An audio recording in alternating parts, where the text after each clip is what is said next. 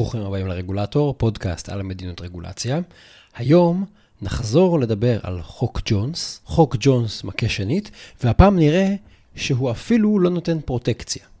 בפרק 62 דיברנו כאן על חוק ג'ונס, חוק אמריקאי שהשם הרשמי שלו זה The Merchant Marine Act of 1920, והחוק הזה קבע שכדי שספינה תוכל להפליג בין שני נמלים אמריקאים, היא חייבת להיות מתוצרת ארצות הברית, ושכל אנשי הצוות הם אמריקאים. לספינות שלא יוצרו בארצות הברית, או שלא כל הספינה יוצרה בארצות הברית, או שלא כל הצוות אמריקאי, מותר שרק אחד משני הנמלים יהיה אמריקאי. החוק הזה מכביד, הוא נועד לתת העדיפות לתעשיית הספנות האמריקאית ולספינות שיש בהן הרבה עובדים אמריקאים. אבל בגלל שהחוק הזה חיסל את התחרות, תעשיית הספנות האמריקאית הפכה פחות חדשנית ופחות יעילה והתנוונה. זה התבטא במצב של הספינות, בייקור ההובלה הימית, שתרם ליוקר המחיה של כל אזרחי ארצות הברית, הגדיל את הסיכון לתאונות ימיות ופגע ביעדים מרוחקים שמאוד תלויים בתובלה ימית. דיברנו על כל זה בפרק 62, תוכלו לשמוע שם דוגמאות וסיפורים ונתונים. השורה התחתונה זאת פרוטקציה די יקרה ודי מזיקה. עכשיו אני רוצה לספר לכם שהחוק הזה אפילו לא נותן פרוטקציה כמו שצריך. החוק הזה נחקק לפני 102 שנים, כשארצות הברית עוד הייתה מדינה מג'עג'עת, וגם לפני שמעצמות אחרות כמו סין הפכו להיות תעשייתיות. אבל היום, האמריקאים דווקא מאוד מאוד מוטרדים מהתחרות עם התעשייה הסינית. וחוק שנותן פרוטקציה לתעשייה האמריקאית נשמע היום דווקא כמו חוק שיכול אה, לעזור לאמריקאים בתחרות עם סין. כל חברת ספנות אמריקאית צריכה לשלוח את הספינות שלה לתיקונים ולטיפולי תחזוקה באופן קבוע. זאת שגרה כזו של תחזוקה לפני שיש איזושהי תקלה. אבל בגלל חוק ג'ונס, המספנות האמריקאיות לא תחרותיות. זה אומר שהן גם, יש דברים שהם לא יודעים לעשות או לא עושים כמו שצריך, יש טיפולים שלוקח להם הרבה יותר מדי זמן לעשות, ושהמחירים מאוד גבוהים. וזה יכול להיות בגלל כל מיני סיבות. למשל, אם המספנות לא משתמשות בטכנולוגיות הכי חדשניות, אז הן יהיו איטיות, או שהמחירים שלהן יהיו גבוהים, כי הם עושים הרבה עבודה ידנית, או מבזבזים הרבה חומר. ובגלל שהמספנות האמריקאיות לא מתחרות עם אף אחד כבר 102 שנים, אין שם חדשנות טכנולוגית, גם אין חדשנות ניהולית או תהליכית.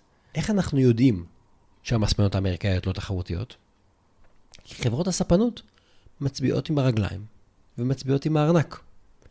למשל, ענקית הספנות מצון שולחת את הספינות שלה לטיפולים ולתיקונים במספנות ציניות. וזה לא איזה עסקה חד פעמית. אנחנו מדברים פה על חברת ספנות אמריקאית עצומה, שבאופן קבוע שולחת לשם את הספינות שלה. לפני שנתיים, חברת מצון, האמריקאית כאמור, ומספנות קוסקו, הסיניות, חגגו בצורה מאוד מאוד מרשימה 20 שנים של שיתופי פעולה, ובמהלכן הם ביצעו 50 תיקונים מז'וריים שבספינות של מצון, במספנות של קוסקו בסין. וזה לא מקרה ייחודי. גם חברת הספנות אה, פאשה הוואי, יש חברה אמריקאית ששולחת את הספינות שלה למספנות בסין. ובדצמבר 2020, הספינה The Horizon Spirit השלימה 50 ימי טיפול מקיף בנמל בשנגחאי. ובכירים בתעשיית הספנות האמריקאית אמרו שהם לא זוכרים מתי ספינה אמריקאית נשלחה לתיקון או לטיפול מקיף במספנה אמריקאית. אז אנחנו רואים שחברות הספנות האמריקאיות נוטשות את המספנות האמריקאיות לטובת מספנות סיניות. האירוניה היא שחברות הספנות האמריקאיות כולן חברות באיגוד הספנות האמריקאי. זה איגוד כזה כמו שיש התאחדות התעשיינים נגיד, או איגוד הבנקים, יש להם איגוד של חברות ספנות אמריקאיות, ולשתיים מהחברות שהזכרתי קודם, למצון ולפאשה הוואי, יש אפילו נציגים בדירקטוריון של הארגון. הארגוד הזה, אחד הדברים המרכזיים שהוא עושה, זה לובי בעד חוק ג'ונס. באפריל 2020, האיגוד טען שאסור לבטל את חוק ג'ונס, כי חוק ג'ונס מגן על הספנות האמריקאית והוא מונע השתלטות של סין על התעשייה. אני אצטט לכם, הם אמרו, The Jones Act blocked China's plan for global domination. לא פחות. אני מזכיר, זה אותו חוק שהפך את המספנות האמריקאיות ללא רלוונטיות, ושבגללו חברות ספנות אמריקאיות שולחות את הספינות שלהן למספנות הסיניות, ולא מטפלות בהן במספנות בארצות הברית.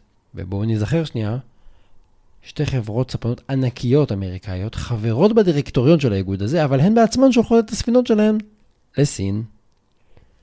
אז החוק הזה הוא חוק שמאוד חשוב לספנות האמריקאית, הוא נתן להם חיבוק ענק, נתן להם חיבוק דוב, חנק את תעשיית המספנות האמריקאיות ומטביע אותן. ובעצם, אם חושבים על זה, מי הכי נהנה מהחוק הזה ומהפרוטקציה במרכאות כפולות שהוא מספק? נראה לי שהמרוויחות הגדולות הן המספנות הסיניות. בפרק 62 הזכרתי שבעולם הגיל הממוצע של ספינת סחר הוא 11 שנים, אבל בארצות הברית הגיל הממוצע של ספינת סחר עומד על 31 שנים.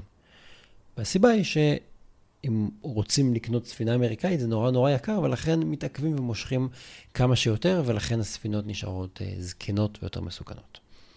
מאז שפרסמתי את פרק 62 ראיתי נתונים נוספים, נתונים דומים. למשל, נתונים עדכניים יותר אומרים שגיל ממוצע של ספינות אמריקאיות הוא 41 שנים, ושבעולם ספינות יוצאות משירות לאחר 15 עד 20 שנים. זאת אומרת, גם אם הנתונים מתייחסים לקטגוריות קצת שונות, פה זה ספינת סחר, שם זה ספינות שהן לא רק ספינות סחר, אנחנו רואים שיש פער ענק של עשרות אחוזים בין ארה"ב לבין מדינות אחרות בכמה הספינות האמריקאיות ישנות.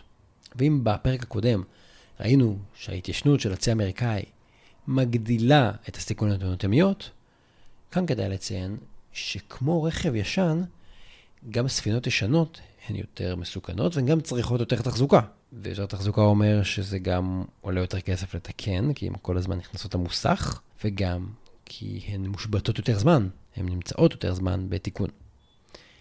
אז החוק הזה שנועד לעזור לתעשיית הספנות האמריקאית, גרם למספנות שלה להיות לא חדשניות ולא יעילות, גורם לזה שחברות הספנות שולחות את הספינות שלהן למספנות מעבר לים, לא רק בסין אגב, וזה הפך את הצי כולו לצי ישן.